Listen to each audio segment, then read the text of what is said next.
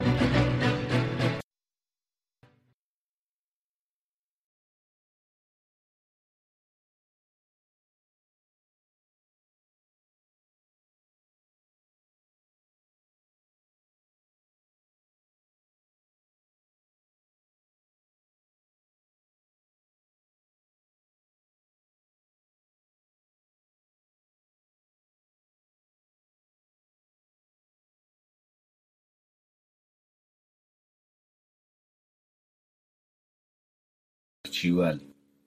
نن په تاجکستان کې د هرات امنیتي کانفرنس لسم پړاو پیل شو د تاجکستان د بهرنوي چارو وزارت مرستیال فرهاد سلیم په دغه کانفرنس کې له افغانستان سیمه او نړۍ ته د ترهګرو متوجه ګواښ جدي بللی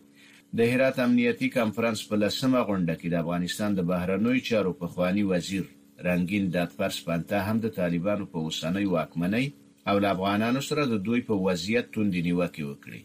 د هرات امنیتي کنفرانس د افغانستان د ستراتیژیکو مطالعاتو انسټیټیوټ له خوا جوړیږي او دا ځل پکې د افغانستان لپاره د امریکا سفارت شاسدافرې او د افغانستان لپاره د ځینو اروپایي هیوادونو او یو شمېر خپلواکو بنسټونو استازي هم د دې کنفرانس ګډونوال دي.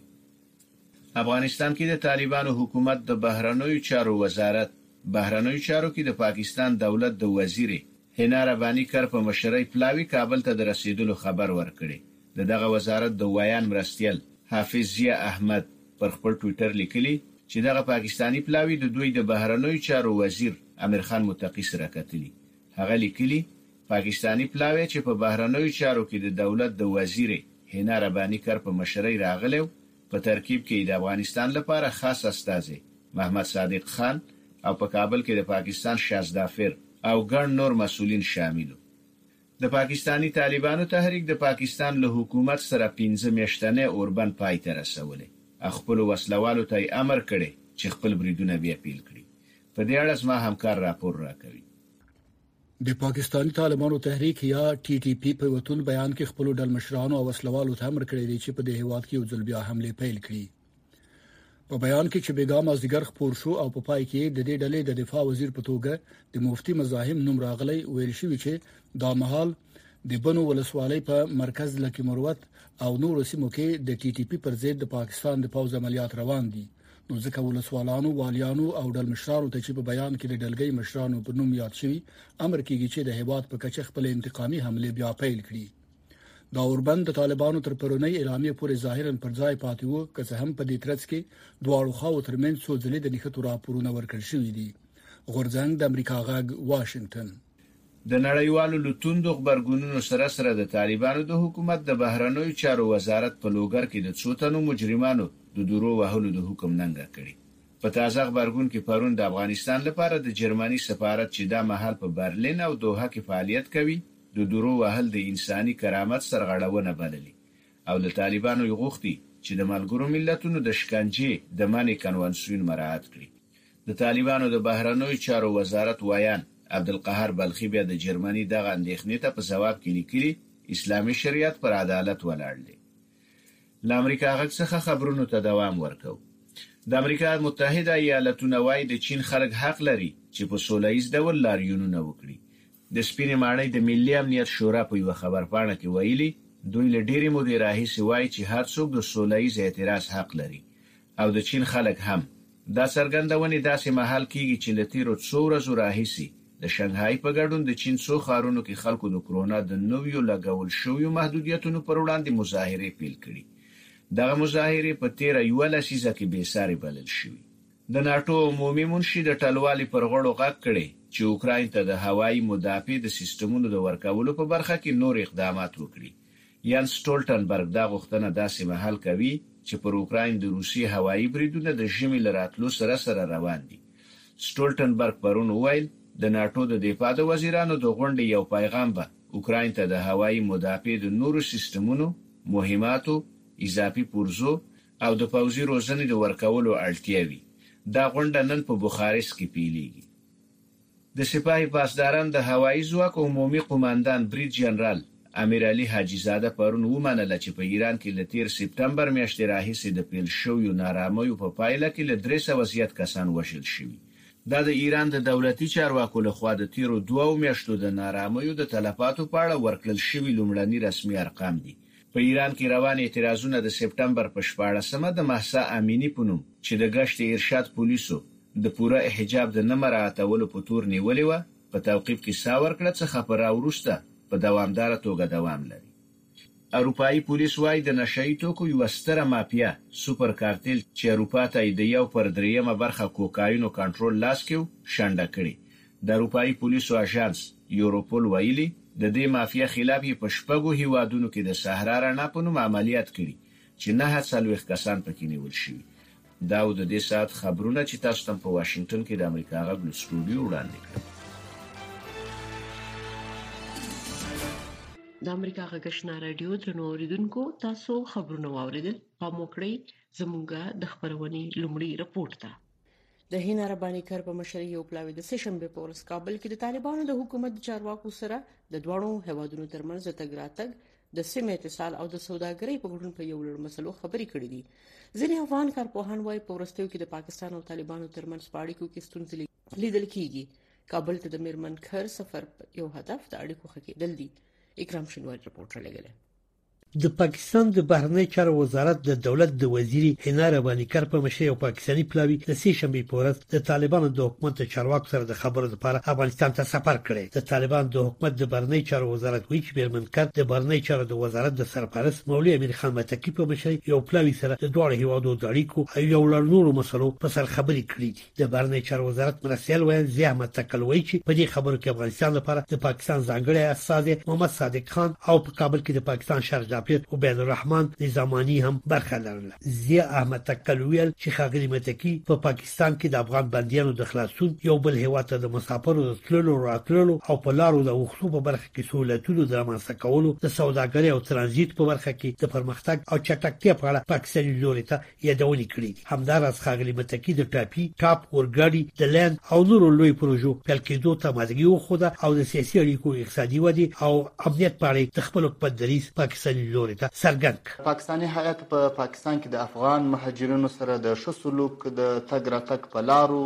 او د ویزو په برخه کې د ستونزو د حل په باب د همکاریو ژمنه وکړه او زیاته یې کړه چې له افغانستان سره د تجارت او ترانزیټ پیاوړتیا او پراختیا په هکله به لازم ګامونه پورته کړي هینا ربانیکر وویل دا چې افغانستان او پاکستان دوه مسلمان همسایه هیوادونه دي او کلتوري مشترکات هم سره لري نو د دواړو هیوادونو حکومتونه باید یو بل سره همکاري وکړي او دوه اړخیزې عامه ګټې خوندي وساتي. ضیا احمد تکل وایي چې د خبرو په پای کې موافقه وشوه چې دوه اړخیزو همکاریو لپاره به نوي میکانیزمونه رامنځته کیږي چې ټول مشترک فرصتونه او مسایل د خبرو اترو له لارې وڅیړل شي او پرمختګ لپاره کار وشي. د پاکستان د بهرنیو چارو وزارت په یوه لنډه اعلامیه کې ویلي چې په دغه یو ورځني سفر کې میرمن کر د ښاغلي متقي سره په سیاسي مشورتي کتنه کې په دوه اړخیزو اړیکو، د پوهنې، روغتیا، سوداګرۍ او پانګونې په برخو کې د همکارۍ سیمه ییز اتصال، د خلکو ترمنځ تګ راتګ او ټولنیزو اقتصادي پروژو خبرې کړې دي. همداشان د پاکستان د بهرنیو چارو وزارت ویلي چې مېرمن کر د طالبانو د حکومت د رئیس الوزرا د دوهم مرستیال ملا عبدالسلام حنفي سره هم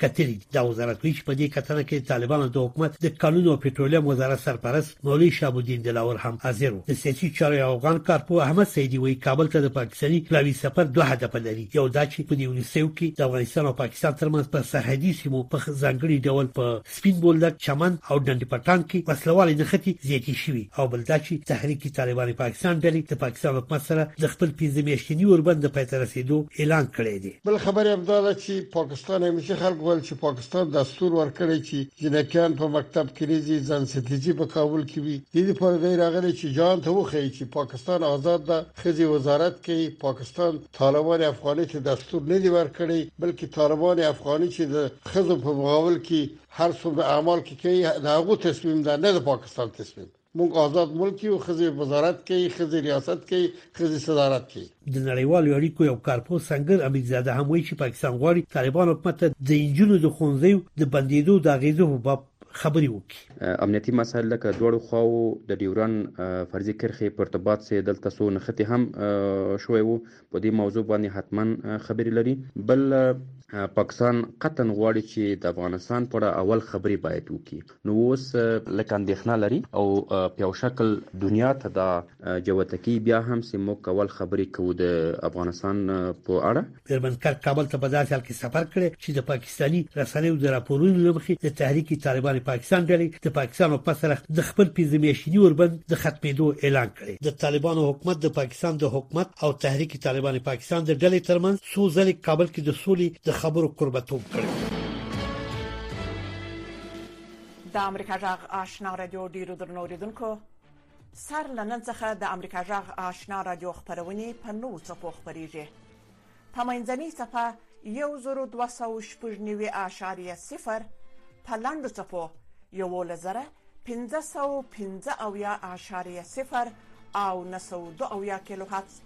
د امریکا جغ آشنا رادیو اوریدلای سي.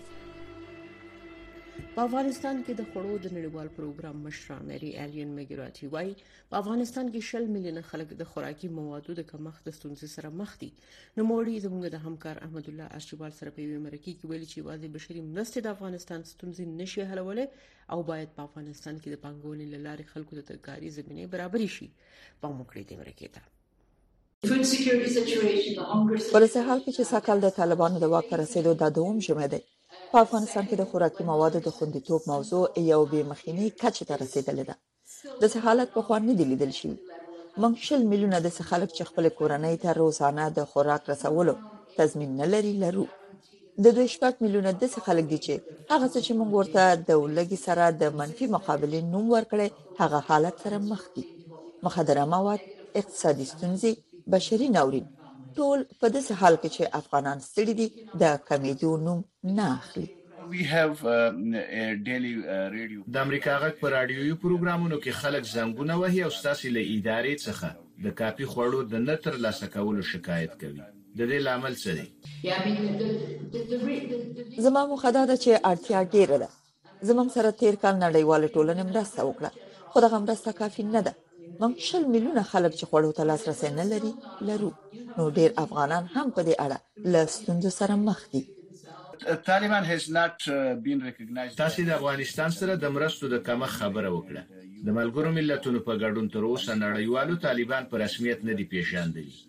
آیا د نړیوالو له خوا د طالبانو په رسمیت نه پېژاندلو او د ملګرو ملتونو او نورو له خوا د افغانستان سره د مرستو نه کولو ترمنځ کومه اړیکه موجوده ده؟ زما موخه دا ده چې دلته یو لړ مختلف فکتورونه موجود دي. لومړی باید موږ په تیر یو کال کې د افغانستان سره د نړیوالو له خوا د زړه له اخلاصه د مرسته کولو ستاینه وکړو بشري مرسته خای کافي نه خو بشري حس چې نړیواله ټولنه د تیری وکړ را پدې خو ودرېده او د افغانستان سره بشري مرسته وکړه مهمه ده تاسو دا هم ګوري چې له بشري مرسته وراخوا دوی انساني اړتیاو پوره کولو کې هم مرسته کوي او هغه څه چې مهم دي هغه دا دي چې اقتصاد باید په پخو ودرول شي او د افغانانو لپاره کاري فرصتونه رامنځته شي چې دا کار یو ځل بیا کاري فرصتونه رامنځته کړي د انسانانو لپاره روزي پیدا کړي مونږ په افغانستان کې د ستګلارو ته چې اقتصاد بیا ورغی او ټول افغانانو ته د دې وړتیا چې دوی پرمختګ وکړي او د افغانستان په بیا رغونه کې مرسته وکړي اړتیا لرو یا سو ایټ د مومنټ طالبان رډنا ټلا ونګ و دا مهال طالبان جونې لشبګم پورته خونځویو ته نه پریږدي او خزو ته د کار کولو اجازه هم نه ورکوي فکر کوئ د طالبانو دې تګلارې د نړیوالو له خوا د افغانستان سره پر مرستو کولو اغیزه کړې؟ دا ستونزمنه ده. د دې بیلابیل اړخونه دي. یوه برخه یې سیاسي جغرافیایي موضوع ده. زه له بشري اړخه خبرې کوم. هغه څه چې زه پرې پوهیږم هغه یې بشري اړخ دی هغه مرستې چې له موږ سره شوي هغه مشروطې نه دي په هغه کې د افغانستان په خلکو شرطونه نه دي خودل شوي که تاسو د بشري مرستو په اړه خبرې کوئ موږ سره ډېرې مرستې شوي خو دا مرستې کافي نه دي دا مهال په نړیواله کچه ډېرې ستونزې موجوده دي دا مهال په نړۍ کې زړه ماتونکې اړتیاوې بیخي ډېرې دي افغانستان هم د نورو په څیر اړتیا لري اوسنیو ملي او نړیوالو حالاتو ته په کتلو سره، تاسې په راتلونکي شپږو میاشتو یا یو کال کې په افغانستان کې د خوراکي خوندیتوب ستونزې په اړه څه ډول وړاندوینه کوئ؟ ښه، د سخت موسم د راتللو اټکل شوی. زما هیله دا ده چې دغه سخت موسم رانشي.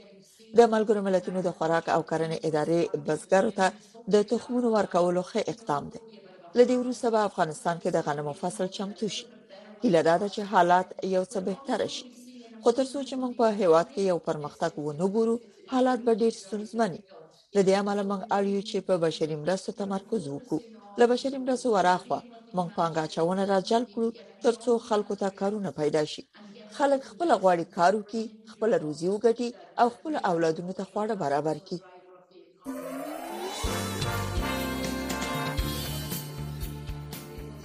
سپینې خبرې د ورځې په خبرونو او مسایلو د نظر د خاوندانو سپینې خبرې او د اوریدونکو نظرونه هر مخام د اتو بجو نه تر نه بجو پورې د امریکا غږ آشنا رادیو یو ساعته پښتو او دری خبرونه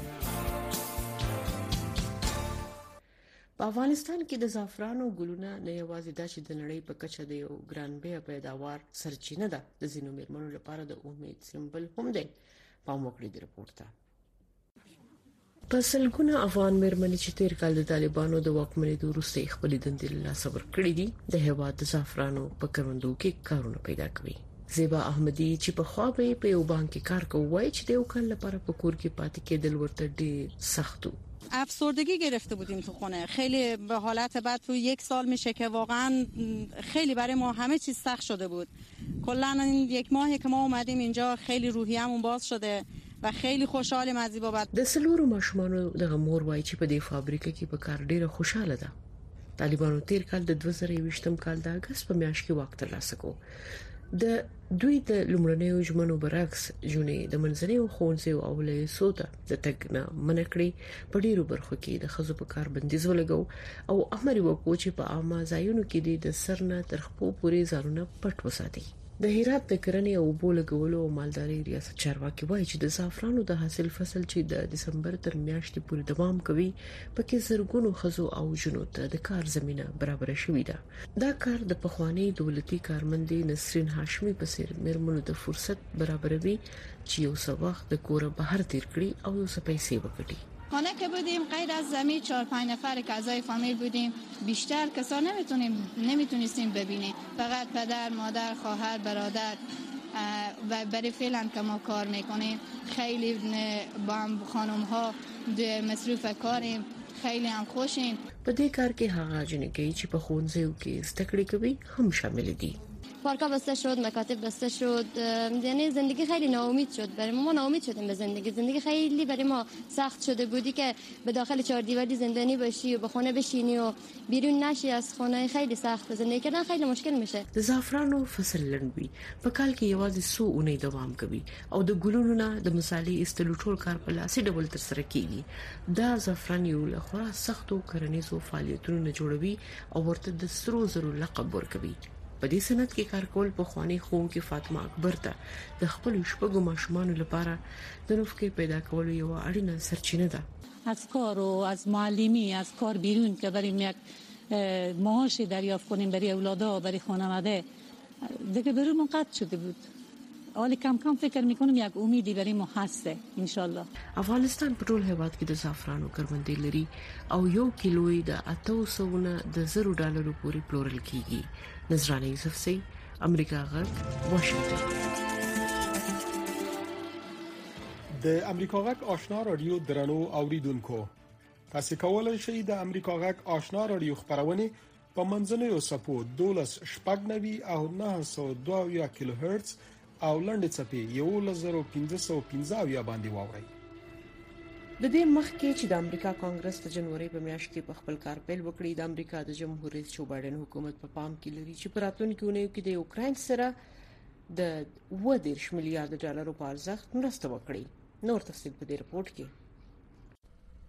په اوکرين کې اوس وخت ژمه ده او نه همیاشتې وشوي چې د روسیې يرغل پرې دوام لري د امریکا په کانګرس کې د اوکرين سره د مرستې د پاره په دواړو ګوندونو کې پراخ ملاتړ موجود دی خو کې دې شي د لیوالتیا بدل شي د جمهوریت غوښتونکو ګوند ځنې مشران چې د جنوري په میاشت کې په کار پیلیدونکو کانګرس کې به په لک توپیر اکثریت ولري وایي دوی د اوکراین لپاره د جمهور رئیس بایډن د حکومت وړاندیز شوې مرستې دقیقه ارزونه کوي. مونږ په پام کې لرو چې ارزونه، شفافیت او حساب ورکول په کې زیات کړو. مونږ نه غواړو یو سپین چک لاسلیک کړو. تر دې مخکې د اوکراین سره مرستې د دواړو ګوندونو په لوی اکثریت ملاتړ تایید شوې دي. د حکومتي چارواکو په وینا د بایډن حکومت غواړي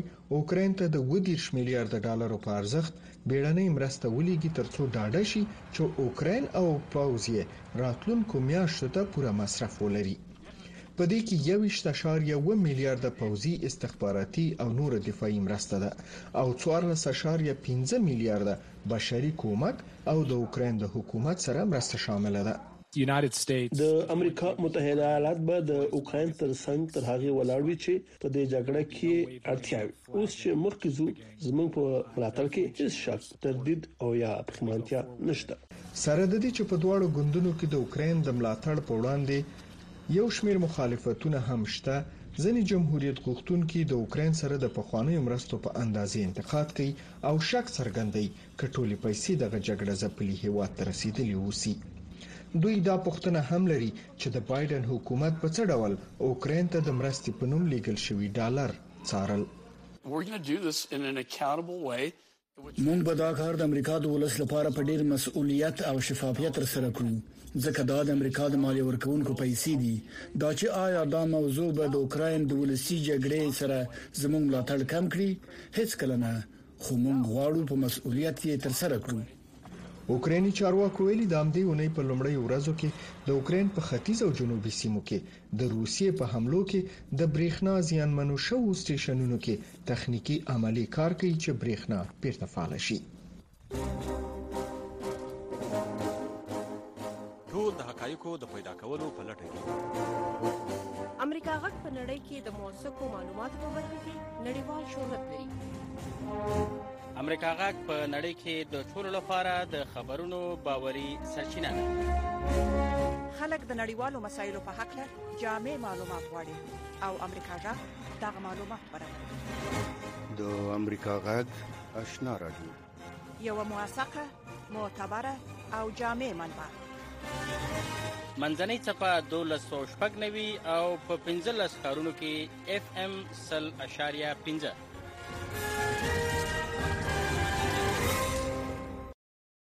د افغانستان کرکټ ټیم د سریلانکا سره درېمه او وروستۍ یو ورځنۍ سیالي لري افغانستان د دریو لوبو په دې لړۍ کې یو صفر برتري لري او په همدې برتري سره د کرکټ 2023م کال نړیوال جام کې هم ځای موندلی دی او موکړی دی دا لومړی ځل دی چې د افغانستان د کرکټ ملي ټیم سریلانکا ته د دوړخیزو سیالۍ لپاره سفر کوي د کرکټ د ملي ټیم کپتان هیله مند دی چې د دې سفر نه به بریالي خپل هیواد ته ستنیږي کوو چې دلته سریلانکا ته راغلي یو لومړی ځل ده چې دوی سره درې میچونو سیریز کوو او کوشش کوو ان شاء الله چې ښې لوبې وکړو او دغه سیریز په خپل نوم کړو بالکل پوره مطمئن یم په خپل ټولو لوبغاړو باندې او ان شاء الله پوره ډاډه یم چې دوی به ښې د افغانستان د کرکټ ملي ټیم په دغه سفر کې په لومړۍ سیالي کې سریلانکا ته د شپېتو منډو په ستر توپیر ماته ورکړه او دویمه سیالي د باران له کبله مساوي پاتې ورسېده او 15 پوینټ واخیستل د دغه پوینټونو سره افغانستان د 2023م کال نړیوال جام سیالیو کې هم ځان ته ځای وموند افغانستان د سوپر لیګ د 14 ټیمونو په سیالیو کې د 115 پوینټونو سره په وم مقام راغلی او هند کې کېدونکي 15 ورځ نړیوال جام ته راسن رسیدلی دی سرلنکا ته په سرلنکا کې ماتې ورکول نو ان شاء الله تر اوسه پورې خو په دغه سیو حالاتو کې چې پر امید یو چې جام جهاني تم کوالیفای کړل او سره په څنګ کې به له دغه سرلنکا هیواد نه به بیرته خپل وطن ته لیو کپ یعنی یو ټراپی سره بیرته هیواد ته ستنیږي بختانه چې دا وار یې موږ دا چې کوم سوپر لیګ راوند آی سی سي شروع کړی او په هغې کې زموږ څومره لوبې وي تر دې دمه پورې موږ تقریبا یو سلو پنځلس پوینټس لرو او خوشبختانه چې د ورلډ کپ ته یا جام جهاني کپ ته مو مستقیما لاره پیدا کړه خپل هم ډېر زیات د خوشحالۍ احساس کوم او امید لرم چې انشاءالله نور هېوادوال به هم ډېر خوشحاله وي د افغانستان د کرکټ ملي ټیم په داسې وخت کې دغه پرمختګونه کوي چې متحده عربي امارات ورته د یو تړون له مخې خپل میدانونه د 15 کلنې ګټې اخیستنې لپاره سپارلي دي او په بدل کې به افغانستان د کوربه ټیم سره هر کال درې سیالۍ کوي مستقیما 2023 نړیوال جام ته چې په هند کې به تر سره کیږي په درجه بندي کې یا په ګروپ کې موږ په وم نمبر باندې یو په ډیرو کمو سیالیو کې موږ په اووم نمبر باندې یو لا نور سیالۍ هم پاتې دي موږ له پاکستان سره له استرالیا سره نور هیوادونو سره ممکن دغه شمیره د نمبر نورم تغیر وکړي پورته لاړ شو افغانستان به په کال 2023 کې د استرالیا، پاکستان او هند سره د دریو یو ورځنیو لوبو لړۍ ترسره کړي او هڅه به کوي چې په دغه درجه بندۍ کې نور هم پرمختګ وکړي. کا غواړی چې هر وخت د نړۍ او افغانستان په اړه تازه موثق او به طرف معلومات ترلاسه کړئ نو د امریکا غږ آشنا رادیو د خبرونو اوریدل مه هیروئ د هلمند اوسیدونکو د روغتیا چارواکي غواړي چې ټول لري پرتو سیمو ماشومان ته واکسین زمينه دی برابر کړي مسولین ژمنه کوي چې ټول سیمه به تر پوخخ لاندې راولي نور حال زموږ د همکار صدیق الله صدیقي په دې رپورت کې اوري د هلمند ولایت یو شمېر اوسیدونکي د ګوزڼ ناروغۍ په تړاو اندېښمن دي دوی وایي چې په تیرو کلونو کې یو شمېر ستونزو په لیرې پرتو سیمو کې ماشومان له واکسین څخه محرومه کړي وه عبدالله خان د موساکلا ولسوالۍ اوسیدونکی له صحي چارواکو څخه غواړي چې د ګوزڼ ناروغۍ خطر ته په کتو سره لیرې پرتو سیمو ماشومانو ته د پولیو ضد واکسین ورسوي وروره پخوا خو دا زموږ په وطنو کې جنګونه ونو په دا جنګو په خاطر باندې زموږ ډیر ماشومانو دا چینیان چه وه د واکسین څخه پاتیدل اوس خو نو شکر الحمدلله امن دی موږ دا د واکسین په ګټو هم پوه سوي پخوا موږ په دغه هم نه پوهیدلو خو جنګونه وه نو اوس بالا موږ خپل ماشومان ته واکسین ورکو او موږ د دغه ډاکټرانو څخه غواړو چه دا واکسین کارونه نور هم ډیر کړي څو زموږ ماشومان د واکسین څخه پاته نسي. په ورته مهال د هلمند ولایت یو بل اوسېدونکی محمد آصف وايي، د ګوزڼ سره د مبارزې لپاره مناسب شرایط برابر شوي او باید هڅه وشي ترڅو ټول ماشومان واکسین شي. هغه ماشومان چې په تېر جنګونه، اوس خو جنګونه هم ختم شوي دي، جګړې نشته او هغه کوچنیان چې په تېر جنګونو له امله د واکسین څخه بې برخې پاتې شوي، باید هغه ټیمونه راشي هغو ته واکسین ورکړي. په افغانستان کې د یونیسف ادارې د پولیو د برخې ویاند سید کمال شاه غا وایي چې دوی هڅه کوي ترڅو د هغو سیمو ماشومانو ته واکسین ورسوي چې له کلونو راهیسې د پولیو ضد واکسین څخه محرومه پاتې شوي دی له کورنیو څخه غواړي چې د خپلو ماشومانو د روغتیا ساتلو لپاره دې له دې موقع څخه ګټه واخلي. په افغانستان کې پولیو له منځه وړلو پروګرام خپلې ټولې هلې ځلې کوي تر څو د هیواد په ټولو سیمو کې تر هر وروستي ماشوم پورې واکسین ورسوي او هغوی د پولیو ناروغي په وړاندې خوندي کړي نو د کمپاینونو په ترڅ کې منډې او پلرونو هم مسولیت لري د مسولیت دا دی چې دوی د واکسین له ټیمونو سره کاغه کور په کور ګرځي یالته مساجدو کې ناس وي واکسین تر سره کوي دوی باید خپل ماشومان ورته راوړي تر څو هغه له واکسین پاتې نشي او واکسین شي روغتیا پالان وایي چې ګوزړې هیڅ درملنه نه لري او یوازې مخنیوي د پولیو واکسین په واسطه کېدای شي ویان احمد الله چیوال نن په تاجکستان کې د هرات امنیتي کانفرنس لسم پړاو پیل شو. د تاجکستان د بهرنیو چارو وزارت مرستیال فرهاد سلیم په دغه کانفرنس کې له افغانستانه سیمې او نړۍ ته د ترهګرو متوجه ګواښ جدي بللی. افغانستان کې د طالبانو حکومت د بهرنیو چارو وزارت بهرنیو چارو کې د پاکستان د دولت د وزیرې حنا رباني کر په مشرۍ پلاوی کابل ته د رسیدلو خبر ورکړی. د دغه وزارت د ویاند مرستیال پر خپل ټویټر لیکلي، چې دغه پاکستاني پلاوي د دوی د بهرنیو چارو له وزیر امیر خان متقي سره کتلي. د پاکستاني طالبانو تحریک د پاکستان له حکومت سره پنځه میاشتنی اوربند پای ته رسولی او خپلو وسله والو ته یې امر کړی چې خپل بریدونه بیا پیل کړي. د نړیوالو له توندو غبرګونونو سره سره د طالبانو د حکومت د بهرنیو چارو وزارت په لوګر کې د څو تنو مجرمانو په دورو وهلو د حکم ننګه کړې. د امریکا متحده ایالتونه وايي د چین خلک حق لري چې په سوله ییز ډول لاریونونه وکړي. د سپینې ماڼۍ د ملي امنیت شورا په یوه خبرپاڼه کې ویلي، دوی له ډېرې مودې راهیسې وايي چې هر څوک د سوله ییز اعتراض حق لري او د چین خلک هم. د ناټو عمومي منشي د ټلوالې پر غړو غږ کړی چې اوکراین ته د هوایي مدافع د سیسټمونو د ورکولو په برخه کې نور اقدامات وکړي. ینس سټولټنبرګ دا غوښتنه داسې مهال کوي چې پر اوکراین د روسیې هوایي بریدونه د ژمي له راتلو سره سره روان دي. د ایران د سپاه پاسداران د هوایي ځواک عمومي قوماندان برید جنرال امیرعلي حاجي زاده پرون ومنله چې په ایران کې له تېرې سپټمبر میاشتې راهیسې د پیل شویو نارامیو په پایله کې له درې سوه زیات کسان وژل شوي دا د ایران د دولتي چارواکو له خوا د تېرو دوو میاشتو د نارامیو د تلفاتو په اړه ورکړل شوي لومړني رسمي ارقام دي. قدرمنو اوریدونکو تاسو د امریکا غږ آشنا رادیو نه زموږ خبری خبرونه واوریده موږ تاسو نه په دې هیله اجازه غواړو چې خبرونه به اوریدلې وي د خدای په